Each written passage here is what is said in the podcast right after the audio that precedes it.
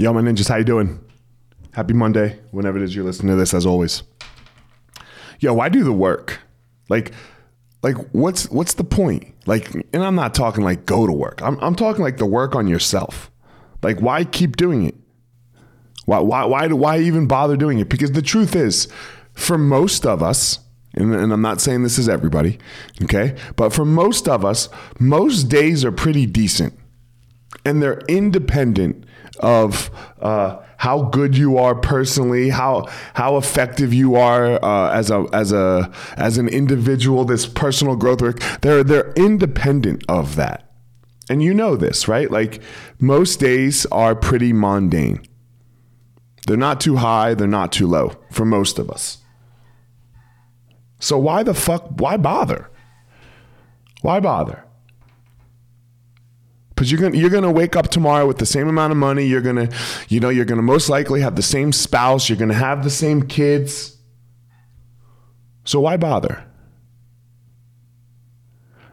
My answer, well, it's because you know it is gonna get tough one day.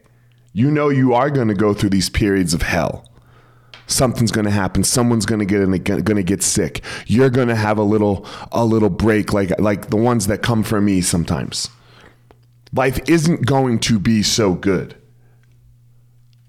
that's why you do it you do it for those days, for the days that you need the mettle, for the days that you need the strength. And you have to work on that strength on the daily. It doesn't just stay.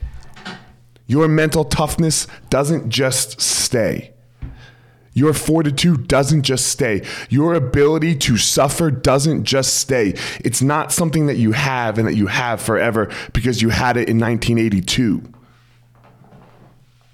You have to work on it.